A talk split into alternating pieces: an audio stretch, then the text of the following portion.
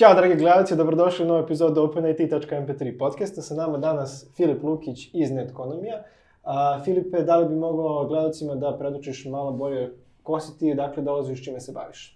Naravno. Zdravo svima, ja sam Filip Lukić iz kompanije Netkonomi. E, trenutno radim kao solution architect i generalno ovaj, tu sam da podelim svoje iskustvo vezano za neki moj karijerni put, kako sam prošao ne samo kroz studije, nego kako sam bio developer i sada kako sam prešao u samu solution architect rolu. Pa hajde, počnemo sa epizodom.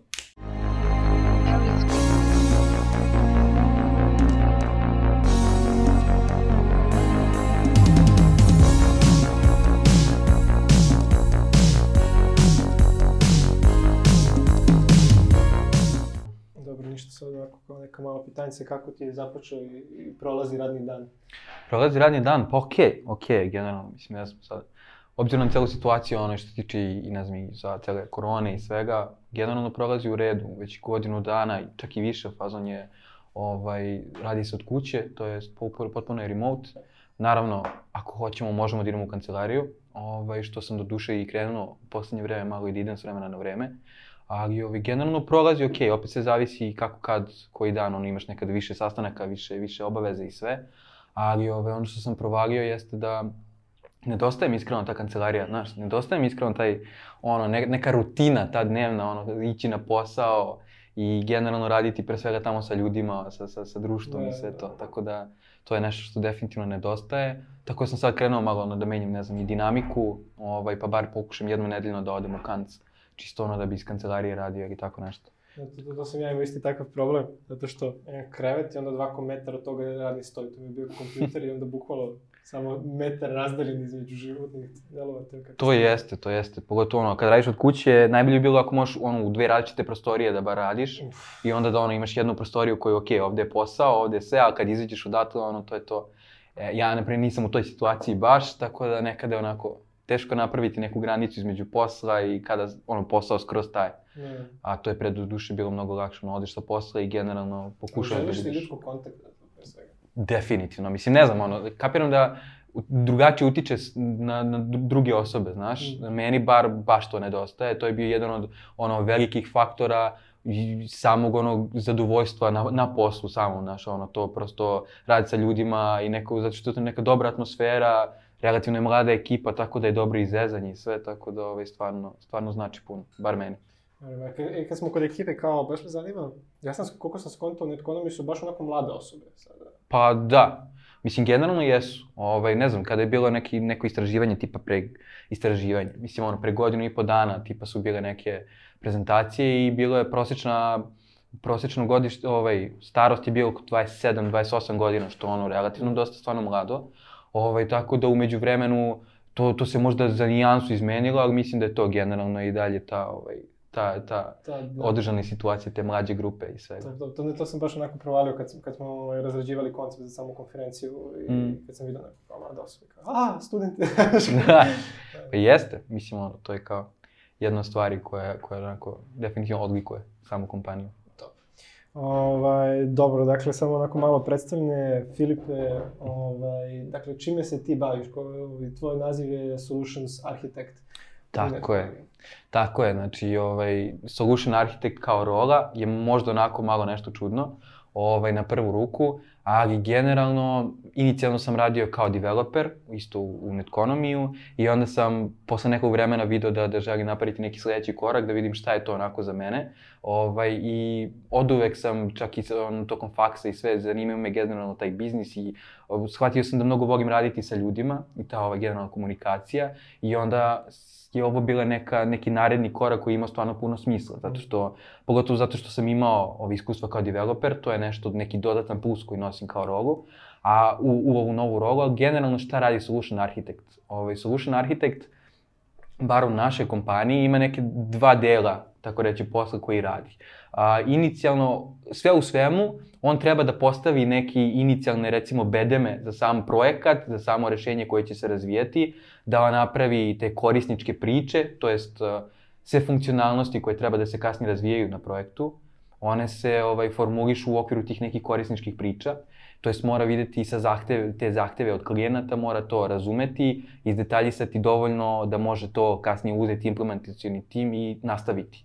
Tako da to je generalno šta radi solution architect, ali kod nas takođe to ovaj, ima jedan deo gde se pomaže u samom pre-salesu i sam dok se ono dok se ne osvoji projekat u sam taj taj sales proces a, naša naš deo jeste da podržimo sa strane rešenja, tehničkog znanja i nekih prezentacija. Znači, u suštini menadžerska pozicija koja zahteva baš onako tehničko znanje.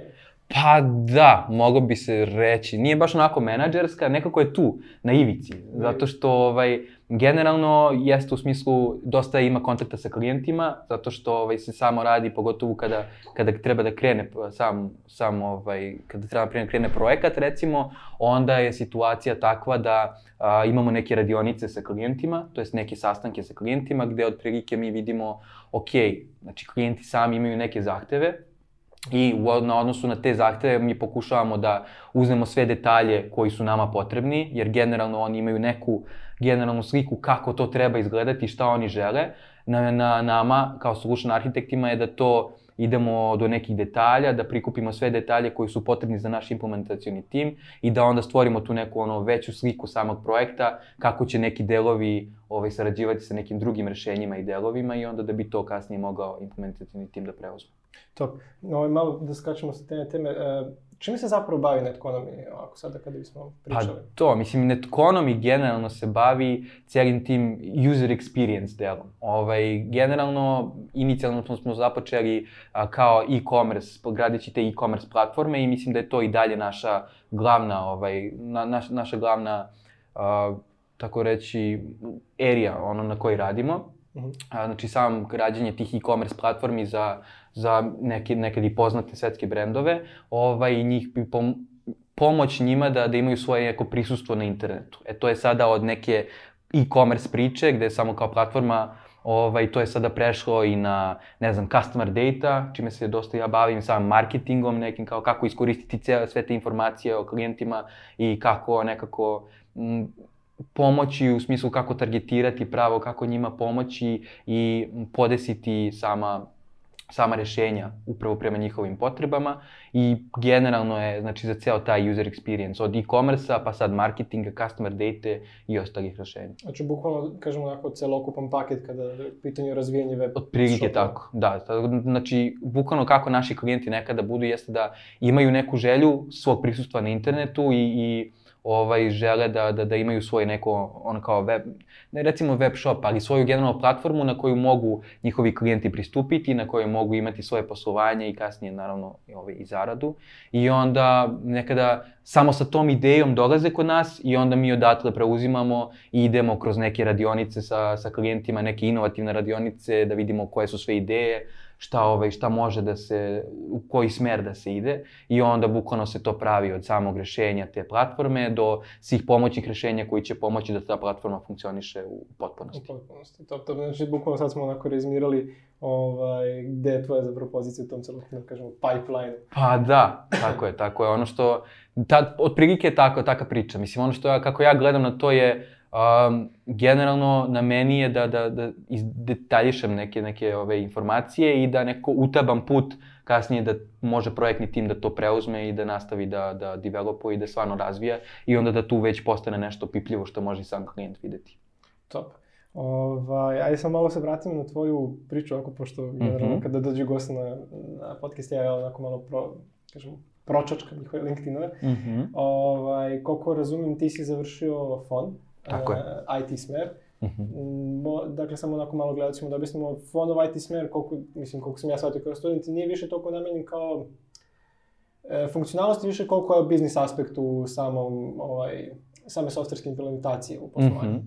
A, šta si sve radio tokom studija ovako sa strane i koliko ti je to onako pomoglo Pa to, mislim, definitivno ono treba raditi. Kako je sada moje neko, kada sam ono završio faks i sve, kako je moje viđenje generalno na fakultet, jeste da je to ono kao super stvar dati tebi neku, pa nije toliko ni osnovu, ali neku osnovu i, i postaći tebe da vidiš, ok, šta te zanima, koje su tvoje, tvoje zainteresovanosti i onda da ti sam radiš na tome, da istražuješ i da ono, ideš u neku određenu oblast koja te zanima. Mm. Ovaj, na primer, na faksu, se generalno, pogotovo na IT smeru, se prolaze dosta onako koncepti iz, iz ono različitih sfera, pa čak i ono što smo rekli i biznis i ono bio, bio računovodstvo, financije, što je mislim meni isto bilo cool, znaš, ali nekako je dobiti taj sveobuhvatan ono pogled na stvari i onda videti ok, šta tebe zanima i gde se ti nalaziš kako bi tu nastavio.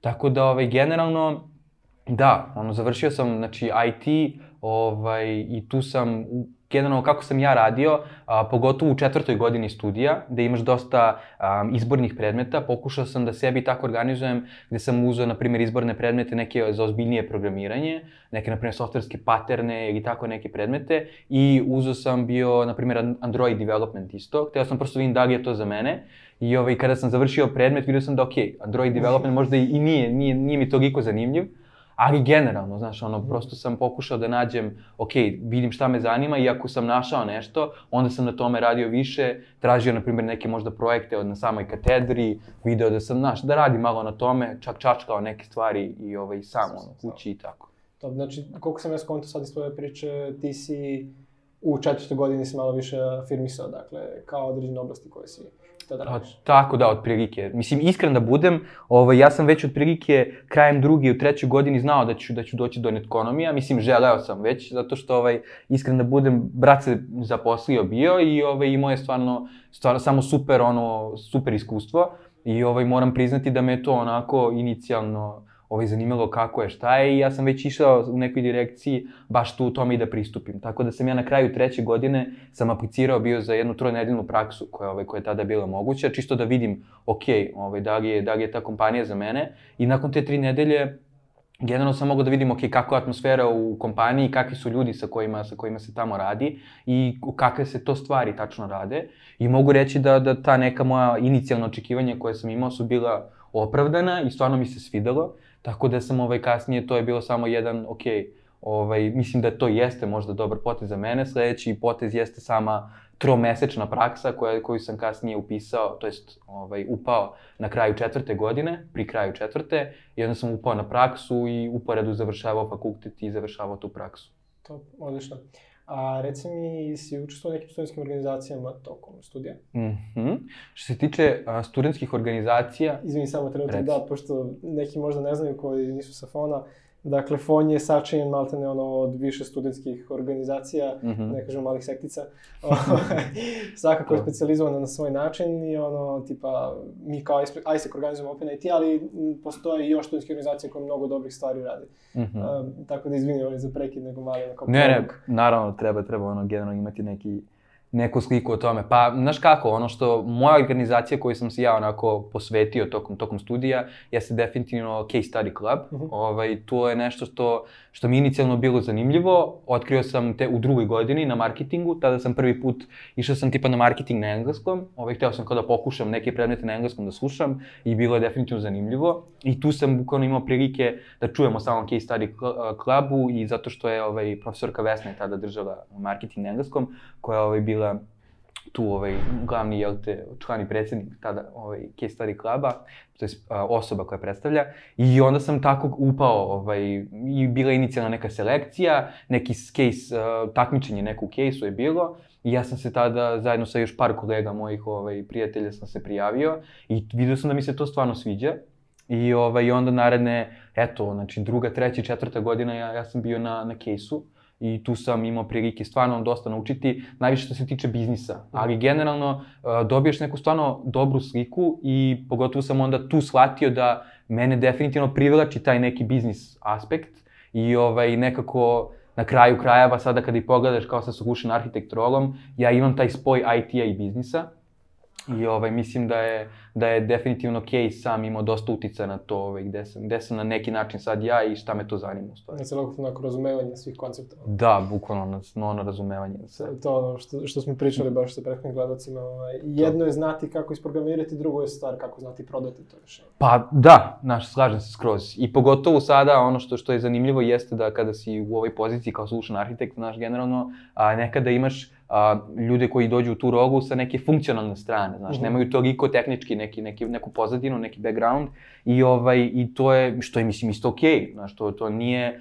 nije odlučujući faktor da li ti imaš tehničku pozadinu ili ne, ali mislim da to što sam bio ovaj developer od prilike dve i po, tri godine, a, ima veliki utice na to kako mogu shvatiti neke koncepte i kako mogu shvatiti, ok, um, kako će to kasnije biti implementirano, znaš, jer mislim da je to dosta važno, jer nekada kada kada pokušavaš sa klijentima da nešto razjasniš, da, da odrediš tu određenu specifikaciju, kako se zove sam proces tog ovaj, detaljisanja svih tih ovaj, zahteva i sve, a, važno je nekada znati kako će to otprilike biti implementirano, da znaš koje informacije treba da tražiš od klijenta kako bi kasnije olakšao svojim kolegama ovaj posao da, ono, kasnije kada da kreće implementacija. Da predvidiš zapravo koji će možda problemi da... Pa da, da, upravo tako, znaš, i iskreno to dosta je pomoglo to što sam bio developer već koliko dve i po, tri godine. godine. Mm. Ovaj, kad pričamo dakle o developmentu, spomenuo si dakle lične projekte neke koje si radio u četvrte godine. Mm -hmm. A, da li si još nešto, mislim, ako kao sa strane sem mobile dev, to jest Android developmenta radio, što te onako dobro pripremilo za proces sa praksom? Mm -hmm. Pa za proces prakse iskreno um, ne puno. Uglavnom je to bilo faks i ti nekih par projekata koji sam ono imao tipa šta na, na programskim jezicima, na patternima, na ne znam ono kasnije i na samom tom ovaj, Android developmentu.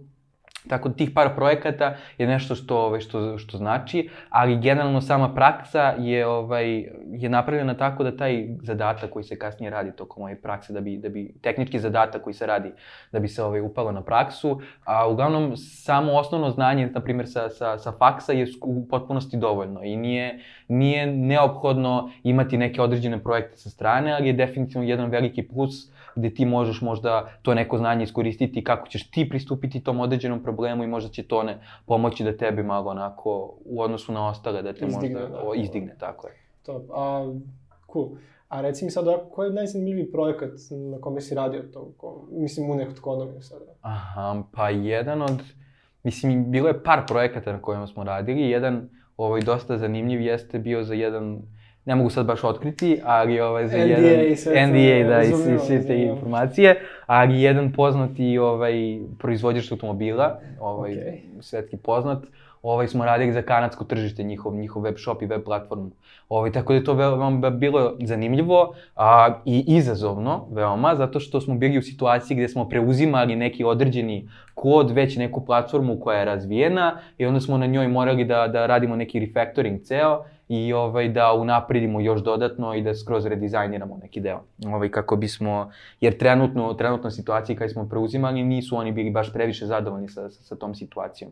Tako da kao developer, rekao bih da je to možda bio onako najzanimljiviji projekat, jer znaš ono, generalno, kao postoji i ono i šale, ovaj, ali kada uzimaš neki tuđi kod i ono kada moraš to da refaktorišeš i to baš je onako kao pakao. Da. I ovaj, u ovoj situaciji nije bio pakao, ali je bilo blizu. Tako da ovaj, generalno nije bio baš najbolja situacija i onda je to bilo onako dosta izazovno kako, kako spasti situaciju i kako onako se izvući iz toga. Je li bilo onih delova kao koje izbrišeš, mislim koji postoje, ne znaš zašto radi, ali kad ih izbrišeš ne radi ništa? Bilo je nekih stvarno onako stvari koje kao zašto su tako ono pristupili nečemu, ali mislim ono, možda će ostati to misterija, znaš, ono, možda se ne zna šta znam, ali verujem da su možda u tim situacijama imali neki, neki određeni razlog zašto, ali nekada stvarno onako najđeš na neke stvari koje nisu trebale tako da se rade. To, reci mi sad ovako kao web developer, da li više koristiš, mislim kao, da li više preferiraš za web, za web shopove da koristite WordPress ili onako custom rešenje sve da radite? Pa, to su definitivno custom rešenja, znaš, ovaj, zato što, što se tiče samog WordPressa, mi uopšte na primjer ne radimo sa WordPressom. Ovaj, WordPress je, mislim, super stvar onako za neke male firmice, za neko ono inicijalno pojavu na internetu, ali ovaj, mi imamo prilike da radimo sa onako dosta većim kompanijama koji imaju dosta kompleksnije procese i sve. i generalno te web shopove koje mi pravim, pravimo su na osnovu jedne platforme, to jest SAP-ove platforme, ovaj, koja se zove, pre se zvala kao Hybris, sada je ovaj Commerce Cloud i generalno to je već određena platforma koja ovaj, ima neke od funkcionalnosti. E sada, ono na čemu mi radimo jeste da te funkcionalnosti, tako reći, ono, podesimo prema našem klijentu, njihovim zahtevima, šta tačno njima potrebno i odgovara, mm. i onda na osnovu toga još dodatno a, nadograđujemo. Tako da, ovaj, generalno ti, mislim, znaš, zato što kada imaš nek, neki web shop, ovaj, uvek ćeš imati ti neke stvari tamo, tako, na primjer, ono, na primjer, korpa, ne znam, ono, basket ili, ili ono, product details page ili tako check nešto. Out, check out, da, uvek će to biti neke stvari koje će svuda biti potrebne, samo će se, svaki klijent ima neki svoj vid kako to treba da izgleda. E, a, sama ta platforma ti nudi upravo to, znači neki početak, neki inicijalni set funkcionalnosti koji ti onda uzmeš i dodatno ono modifikuješ ili razvijaš skroz nove na osnovu tih kako bi to obogatio to celo rešenje i ono prilagodio samim klijentima. To kontam da je potražnja za web shopovima drastično skočila nakon korona. E, pa to da, da, to je baš nevjerovatno, znaš, zato što, mislim, nevjerovatno, ono, duše, moglo se na neki način i predvideti, ali sećam se ono kada je bila da korona, kada je izbila i sada, ne znam, svi su počeli, nije kao neka kriza, ali ono, generalno je bilo ozbiljno razmišljati kao šta se sada dešava, neki klijenti sa kojima smo mi sarađivali su ono ustuknuli na prvu loptu i nisu znali šta, čak su ono prekinuli ne, ne jedan ovaj kao trenutni rad na nekim projektima, što onako bilo je malo čudno, ali kao u redu, ko zna ovaj, sa kojim problemima se susreću. I ovaj, ali sa te strane smo ono ispali, i kompanija je ispala totalno fair, a, nismo, iskreno, mi stvarno nismo osetili neke efekte a, sa same, same cele te krize, do duše delom zato što smo upravo u IT sektoru i imamo možda i veliku sreću samim tim što je mm. takva industrija i što smo imali prilike skoro neometano raditi samo do duše više ne iz kancelarije nego od kuće. Ali generalno i klijenti su na prvu loptu su se uplašili, a onda su stvari videli koliko je potrebno to prisustvo na internetu, pogotovo u ovim trenucima. I onda je na kraju ispalo da je ova godina sa, za koronom za nas bila najuspešnija do sada što se tiče samih projekata i, ovaj, i da. angažovanosti, tako da eto. To mnoge, mnoge tehnološke promene, onako kažemo, pa pogurala. da, što je iskreno i super stvar, znaš, onako, nekada treba, ok, mislim, da se razumemo, korona nije ne, super stvar, ne, ne, ne, ali ovaj, generalno te neke promene koje su, koje su sledile, jer su bili u toj situaciji i kompanije su morale da se prilagode, mislim da je to iskreno stvarno, stvarno super stvar, pogotovo ovaj a, fleksibilni način rada sad i od kuće i vidim da sada sve više i više kompanija, mislim da, da ovaj, usvaja taj neki, uh, neku ono, način rada da možeš raditi bilo gde. Da. Ovaj, pogotovo to znam da je sada kod nas ta inicijativa, taj work from anywhere, tako da ovaj, nadamo se da uskoro će to i biti završeno, tako da više ti ćeš moći da biraš gde god. Ono, odeš možda u Grčku na dve, tri nedelje i što da ne, on malo sam na moru, radiš prepodne, popodne odeš na, na da se iskupaš i to je to. Digitalno nomadstvo. To, to je to, to je onaj san, zar ne? za svakog da. Upravo. Baš ćemo, pri, baš, baš ćemo pričati na nekom sledećem epizodi, dolazi nam jedan čovjek, mm -hmm. to je momak, on je baš skillful that. Ovaj, A šta sam te još da te pitam, koja je budućnost, dakle, e-commerce platforma, pošto, ne znam, ja sam radio kao onako baš neko web programiranje i vidim sad sve, sve više više mogućnosti, ono, tipa 3D generisanja i slično tome. Mm -hmm. Jel će biti neki novitet, onako, vizualno, Sad ako da li ti možeš da pripostaviš nešto? Pa to, mislim, defi, definitivno je da hoće, znaš, sada se zavisi, mislim da se sada najviši fokus, koliko bar vidimo kod nas, jeste na samoj tom iskustvu samog korisnika koji koristi platformu. Tako da se gleda na tome da se, da se maksimalno personalizuje ceo taj, ovaj, ce, celo to iskustvo i ceo taj ono proces kupovine nečega, na primjer. Tako da to je ono što, što vidim kod nas i pogotovo kod naših rešenja gde kada uključiš ti sve ove, znači ne samo taj e-commerce rešenje, nego i samo taj customer data i marketing rešenje o kojima smo pričali i sada tu postoji još dosta rešenja o kojima sada ne moramo baš do, do detalja da, pričati. Da, da. Ali svako od naše rešenje donosi nešto, ovaj, donosi ne, neke funkcionalnosti određene koje u stvari samo dodatno napređuju celo to iskustvo. Tako, na primer, znaš, ti prikupiš sve informacije, i onda koristiš marketing da bolje targetiraš, koristiš neku drugu platformu da znaš koje tačno akcije su možda najbolje za preduzeti za samog korisnika i onda kada korisnik pristupi, možda će on videti skroz drugačiju platformu i skroz drugačiji neki proces kupovine će imati nego neka druga osoba koja ima druga zanimanja. Mm. Tako da ovaj, to je mislim ono što, bar za sada što vidim da je, da je definitivno trend na kome se ono radi i sama ta personalizacija potpunog ono iskustva. Naprimer, recimo, najbolji primer je to Ako si ti već neki korisnik na nekoj platformi i ako si već bio u situaciji da, da kupiš neke, ne znam, ili kamere i tako nešto, sledeći put već ćete možda to kvalifikovati da budiš u nekoj kategoriji ovaj osoba koje vole kamere, koje vole same fotografisanje i tako to. I onda će sledeći put možda ti biti sam kontent koji će ti biti serviran na samoj platformi će biti možda više ka toj nekoj, ne, nekoj situaciji. Naravno ti ako budeš kasnije promenio svoja, ovaj, svoja ponašanja i druge neke proizvodi će te zanimaju, a, platforma generalno to gleda, vidi i pokušava da se tebi prilagodi. Mislim da je to ono trenutno trend koji koji, koji je definitivno aktivan i bit će samo još više i više aktivan. Behavioral intelligence. Kako pa, bukvalno, da, tako da, to je, to, to je neki cilj koliko ja vidim. Da. Informacije da diriguju kako ćemo mi zapravo se ponašamo i šta radimo. Pa jeste, da, tako da ono, ne znam, znaš, što se toga tiče, malo je onako škakljiva tema za neke, u fazonu kao, ok, koliko to informacija ovaj, ima, ali generalno je to super što je jedno od ovih rešenja, taj customer data o kome sam pričao, um, je upravo zaduženo za to, za prikupljanje informacija i uh, neka veliku transparentnost koju nudi samim korisnicima, tako da korisnici imaju uvid u svakom trenutku koje informacije o njima su u sistemu i ako žele mogu da ono da, da neke informacije ili da obrišu neke ili sve ili da odustanu na primjer od nekih ovaj ne znam da opt-outuju opt-outuju da ne znam nekih ovaj e-mail nekih newslettere ili tako nešto. Newsletter, Newsletter, bukvalno, da. Da, top. Ovaj, šta još onako te pitam, reci mi tvoje iskustvo, dakle, pričao si o bratom iskustvu netko, je li isto takođe isto tako onako dobro, da šta možda nam kažeš onako u firmi? Pa to, mislim, firma iskreno, ne znam, znaš kako, ovaj, moja situacija jeste da je to moja prva firma i za sada još uvijek jedina firma. Znači, direktno sa studija sam se, ovaj, sam prošao praksu, uspeo da se zaposlim na kraju prakse i onda uporedu završio fakultet i generalno firma za mene stvarno, znaš, teško je uporediti s nečim drugim jer nemam, ne, ne mogu da uporedim, ali za mene je stvarno jedno sjajno okruženje gde ono baš se može, dosta se može naučiti i ono što je meni totalno važno jeste da je to neka mlada ekipa, tako da je sve u svemu dobra atmosfera, dobro je druženje, kolege su stvarno super u smislu svako uvek će odvojiti vreme da ti pomogne. To pogotovo znači kada si na početku, znaš, ono kada, kada ti neke stvari prosto nisu jasne zašto se to tako radi ili imaš neku ideju, ali ne znaš kako da to i realizuješ. Mm. Stvarno znači kada može se bilo kome skoro obratiti i on će videti da na neki način odvoji vreme da ti pomogne. Mislim da je to stvarno, stvarno je baš važno. Tako da, generalno ovaj, to je, to je neki možda najvažniji faktor raditi to, neka mlada ekipa, zanimljivi isto i projekti, daleko toga, mislim raditi za neke od nekih popularnih brendova veoma koje ono možda i ovako u svakodnevnom životu koristimo, ovaj, tako da je to sve nešto što, što je jedna super stvar. Opet, Sama kompanija je ta neka međunarodna, pošto imamo sedište u Austriji, ali imamo i kancelarije u Nemačkoj, Švajcarskoj i ovde u Srbiji, tako da radiš konstantno sa među, međunarodnim timovima, sa timovima i ljudima iz on različitih zemalja i ovaj, ta, tako, tako različite kulture nekada, što je ovaj, stvarno neki, neki super, ovaj, super način ono, i raditi i iskusiti neke nove stvari top ambijent. Ovaj, to, to, to sam baš vidio dok sam gledao radionicu na, na konferenciji. Mm -hmm.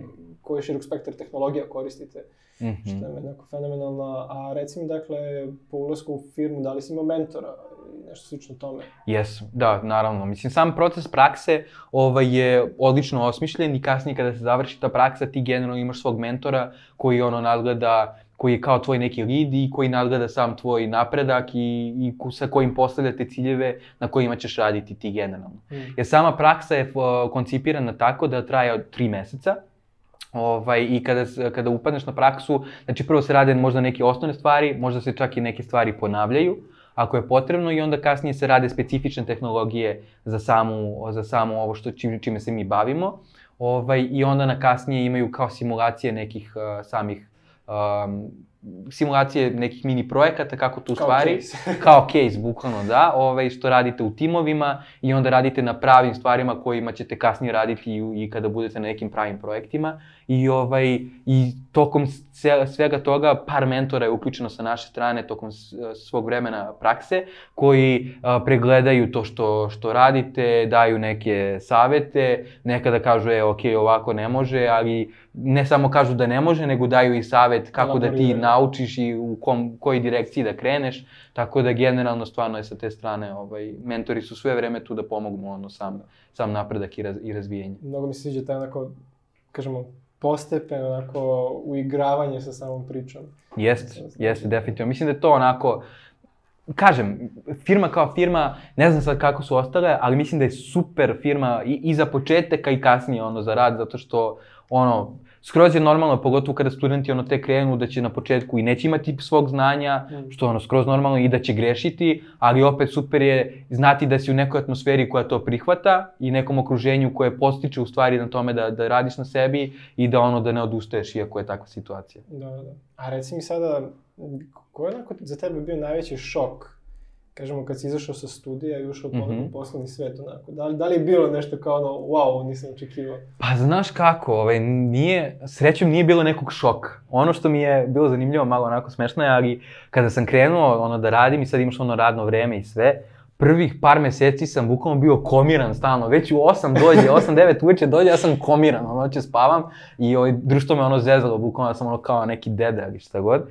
ali ovaj, to je bilo napred nešto dosta zanimljivo. Ono što je meni nije šok, ali mi je posebno zanimljivo jeste to što Znaš, nemaš neki, bar ja nemam osjećaj da sam prestao sa studijama, znaš, nemamo taj osjećaj kao, okej, okay, gotove su studije i sad je ovo neki posao, neki život gde ono, ne znam, sad moram, ja sutra radim, moram da ustajem da radim, znači to, ne, prosto nemam takav osjećaj i mislim da je to nešto što, što je ono, baš, baš super stvar. Nije, nije, kažem, nije šok, ali je nešto što je skroz drugačije. Nisam očekivao da će biti takva atmosfera, znaš, nekako to je skroz neki prelaz gde, okay, ono, sad sam na studijama, ne znam, učim za, za, za neke ispite i to, ali sad sam opet, znaš, učim za neke druge stvari, radim na projektima, ali prosto, ono, i dalje su tu Možda baš zato što je tako mlada ekipa, znaš, kao da si i dalje na nekom faksu i kao da radite sada neke projekte koji, okej, okay, su do duše ono, ozbiljnije prirode, jel te, ovaj, ali nekako nemaš taj osjećaj da, da kao to je baš posao, posao, znaš, i kao da neke mora stvari raditi samo zato što a, moraš da radiš i posao. Naravno, ima i taki nekada situacija, ali generalno sve u svemu je stvarno super iskustvo. I na kraju meseca ti ono legne plata, što je super. Mislim da se to na faksu bar nije događalo. Ne znam sada kako ljudi sa stipendijama i to, ali eto. Da, to, to je, to neko baš, ono je novi nivo životni, znaš kada... Da, pa jeste, jeste definitivno, tako da ono, baš je, baš je zanimljiva priča. Novo side questovanje. Top. Ovaj, aj samo prođemo nakratko, pa imamo neka pitanja od gledalaca, ono što smo kačali na storijima, što sam mm -hmm. ti pričao. A, možda nam ispričaš malo sada o tom projektu praksi, kako on funkcioniše, ovaj, mm -hmm. koliko traje, šta studenti mogu da očekuju? Naravno. A, sam proces prakse traje tri meseca. Ovaj, prijave su trenutno aktualne i aktivne su do 4. juna, tako da kogod bude želeo da se prijavi, definitivno smo tu i, ovaj, želimo ovaj, da što više imamo ljudi koji će se prijaviti i što više kolega je ovaj, dobrodošlo. A, u pitanju prakse jest trenutno su znači, otvorene pozicije za praksu za backend developera, frontend developera i QA ovaj, menadžera, to je SDQA testera. Ovaj, I to su tri znači, pozicije koje se traže trenutno i za koje je praksa, praksa je napravljena. Sama praksa, znači, kao što smo rekli, traje tri meseca. I ovaj, a, generalno to kako je sam proces jeste da, da prolazi kroz neki inicijalni intervju, tu je onda tehnički zadatak koji se radi i kasnije na kraju samom tom je odbrana tog tehničkog zadatka i, de, i možda neki finalni intervju pre, pre, samog, ovaj, pre same selekcije. A, tako da a, praksa započinje tako što, što se možda neke stvari ponavljaju, a, možda se za neke ponavljaju, za neke se prvi put i, ovaj, i uče, sve zavisi kako ko ima iskustva, ali ovaj, ono što je super jeste da se prvo ta, tako inicijalno se obnove neke stvari, a, postavi se ta neka određena baza i onda kasnije krenu da se uče specifične stvari koje su kako za samu ovu platformu na kojoj radimo, tako i za neke tehnologije koje možda nisu imali prilike učiti do sada, koje su jedne osnovne tehnologije koje se koristi kod, koje se koriste kod nas. I onda je to proces kroz neke, neke zadatke, mini funkcionalnosti koje se rade ovaj, i onda proces uh, sa mentorima ovaj, gde oni pregledaju te same zadatke, daju neke savete šta je šta je bilo dobro, šta treba možda unaprediti u narednom periodu.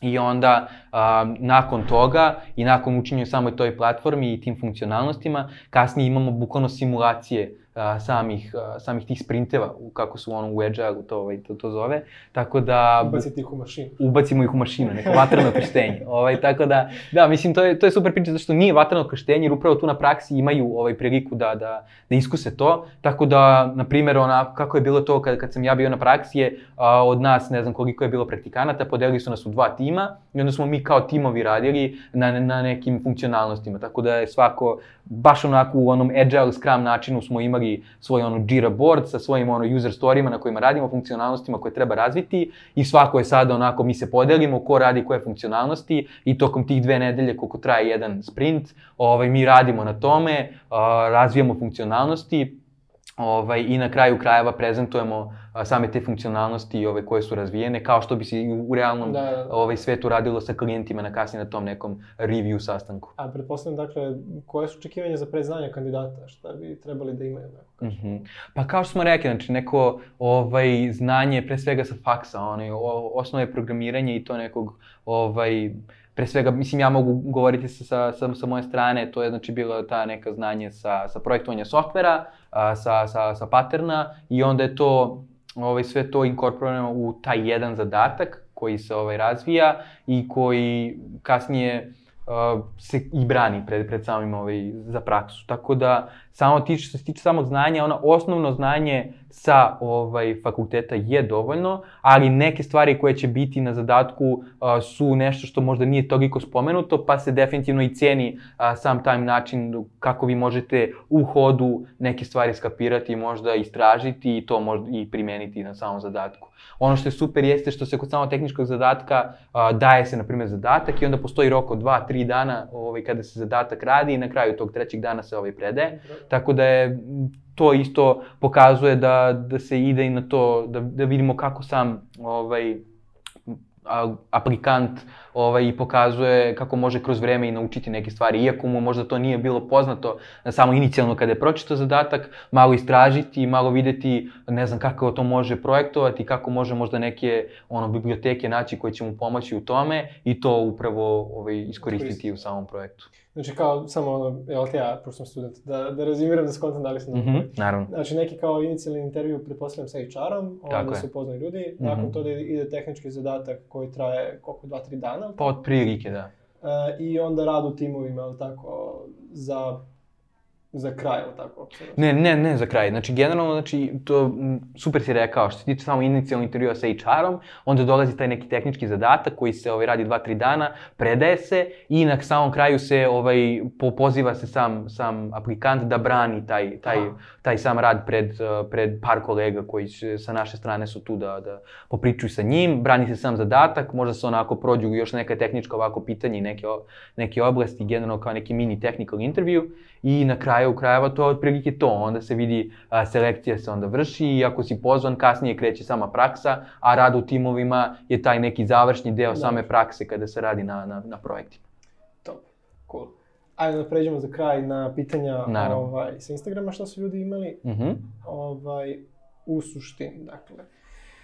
E, da, prvo pitanje, ono što smo već pokrili, da li si tokom fakulteta radio nekom samostalnom projektu softveru, to si rekao, dakle, app development i... Pa to, da, Već. radio sam nekim aplikacijama, da, tako da, ali to je nešto onako čačko sa strane, vidio šta me zanima i onda radio, pokušao naravno da to ubacim u neki projekat za sam, za sam predmet, da ono, što da ne izvučem neku da ok ne- da, da, ocenu da. kada već čačkam oko toga, ali da, generalno sam tako nešto pokušavao da gledam. Top. A ja sad jedno malo duže pitanje, kaže, da li Mhm. postoji neki predmet, da li postoji neki a, preporuka kao za samostalni projekat koja bi mi pomogla pri apliciranju za praksu? To jest, da li postoji neki projekat koji bi ti preporučio da oni rade, da bi malo skontali onako napred šta treba da znaju?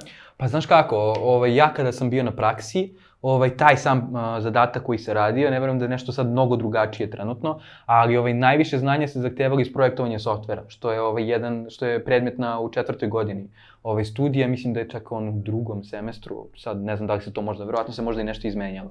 Ovaj, generalno tada je tada to bilo i m, pre, moj predlog je da se, stvarno da se posveti tome, znači da se to ne radi onako ofrlje, pogotovo ne taj predmet, Za nego da šesticu, se, da, da šesticu samo da se onako izvuče, nego da se stvarno pokuša da se investira ovaj, i vreme u to i da se to stvarno razume, jer to je nešto što je najviše znanje iz tog predmeta je najviše značilo ovaj, za, sam, za sam taj tehnički zadatak. Onda sve ono ostalo sa strane, na primjer paterni koji je izborni predmet, je samo nešto, je samo super stvar gde ti ako primeniš možda sad ne znam neki pattern je samo nešto dodatni benefit na sam na sam zadatak, ali rekao bih da, na primjer, projektovanje softvera je najvažniji, bar meni bio predmet da bih a, lepo odradio taj, taj tehnički zadatak. Top. Uh, pitanje opet za mentorstvo koje smo već pričali. Mhm. Uh, jedno pitanje, dakle sledeće, ovaj, pit, uh, jedan naš, naš slušalac se pitao da li se u netkonomi više ceni iskustvo ili diploma? Iskustvo, definitivno. Mislim, evo, evo naj, najbolji primer jeste što imamo ovaj kolegu koji je sada front-end developer i ovaj koji, svi ga zovemo Doca, upravo zbog toga, zato što je, ovaj, zato što je išao na medicinski i ovaj, pokušavao je prosto video da to nije za njega, ali je onda skapirao da, da je front-end development nešto što ga stvarno zanima. Bio je na jednom od, od nekih bootcampova ovaj, i sam je na sebi dosta i dosta radio i onda je prosto došao na praksu i stvarno se videlo da, da baš dobro kapira i da je super i da brzo uči i evo sada ono radimo zajedno i na projektima i na svemu, tako da eto, na primjer, to, mislim da je on stvarno jedan super primer i ovaj, moj isto mnogo dobar kolega i prijatelj koji eto, ovaj, pokazuje da diploma nije sve, da je iskustvo najvažnije, tako da to je mislim jedno i više nego dobar odgovor. Ko je doce uradio pivot ono, u životu. Svaka... Skroz. A mislim, mislim da je dobro izabrao, recimo samo tako. Ali, ovaj, eto, to je, na primjer, najbolji primjer. I poslednje pitanje, meni je onako zanimljivo, sad ono kad smo pričali za koronu, uh, korisnik pita da li će praksa u ekonomiji biti remote ili on-site? E, to je dobro pitanje. Ovaj, ja nadam se da će biti on-site. Ovaj, mislim, svi se mi nadamo generalno. Uh, čini mi se da situacija polako, polako je sve bolja i ovaj cilj jeste da, da to bude on-site. E, sada, naravno, ukoliko situacija to ne bude dozvolila, najmanji problem, to će sve remote da se, da se odradi, kao što sad smo sve skoro i radili remote, to nikako neće uticati na nas i na same procese, ali mislimo da je on-site nadamo se da će biti ta situacija, zato što će onda i sami praktikanti će moći mnogo više da se povežu i sa, i sa kompanijom, i sa kolegama, i sa svime. Tako da ovako kada si remote, to je isto super, ovaj, ali nekako, onako, znaš, nemaš tu povezanost, nekako si, znaš, u svojoj sobi, sam ti radiš neke stvari, imate vi neke sastanke, kolove i tako to. Postoji ali, barijera. Pa, postoji, definitivno barijera, to stoji. I mislim da je to nekako, bar za mene, neka na, najveća onako negativna stvar celog ovog remote worka, ali nadamo se da će biti u našim kancelarijama, da će se održavati praksa. Top. I mi se nadamo ovaj, baš zbog toga ono, sledeće godine organizujemo užbu Open IT pa da dođete prezentujete. Nadamo se, što da ne. bilo top. A, ništa Filipe, hvala ti puno što si došao, Hvala što tebi. smo pričali o, dakle, o web shopovima, o budućnosti, kažemo, e-komerca, Mhm, a, net ekonomiju i ove, što smo najavili, dakle, jednu jako super stvar za studente. tako je. Ovaj, ništa, to bi bilo to. Da li možda imaš nešto da kažeš studentima oko onako, koji se tek onako probijaju kroz vode Mhm. da dolaze? Pa ne, mislim kako da kažem, najvažnije je da, da, da, da zaključe šta, šta to je što njih zanima. Ovaj, I uh, da pokušaju da na tome rade. Bilo sa nekim projektima sa strane, kao što smo pomenuli, bilo sa nekim ovim tronedeljnim praksama ili tako nekim kraćim praksama koje sam ja, na primjer, imao prilike, da vide, ok, koje su im firme zanimljive, da možda pokušaju da saznaju u samoj firmi više, da istraže i najviše, ovaj, opet da se vratimo to, da rade na sebi. Znači, da ne rade, znači na kraju krajeva to je opet ono, rad na sebi je najvažniji i ovaj, da neke stvari ne rade se samo ofrlje, samo jel treba odraditi, ne, neke stvari skroz, skroz razumem da su dosadne, ali nekako raditi na sebi jer na kraju krajeva uvek će se to isplatiti ono, da ono, kroz neki duži put. Najbolja investicija. Što... Najbolje investicije, da. Top. Ništa, to bi bilo to. Hvala ti što si došao, a mi se gledamo u sledećoj epizodi. Važi, hvala. To je to.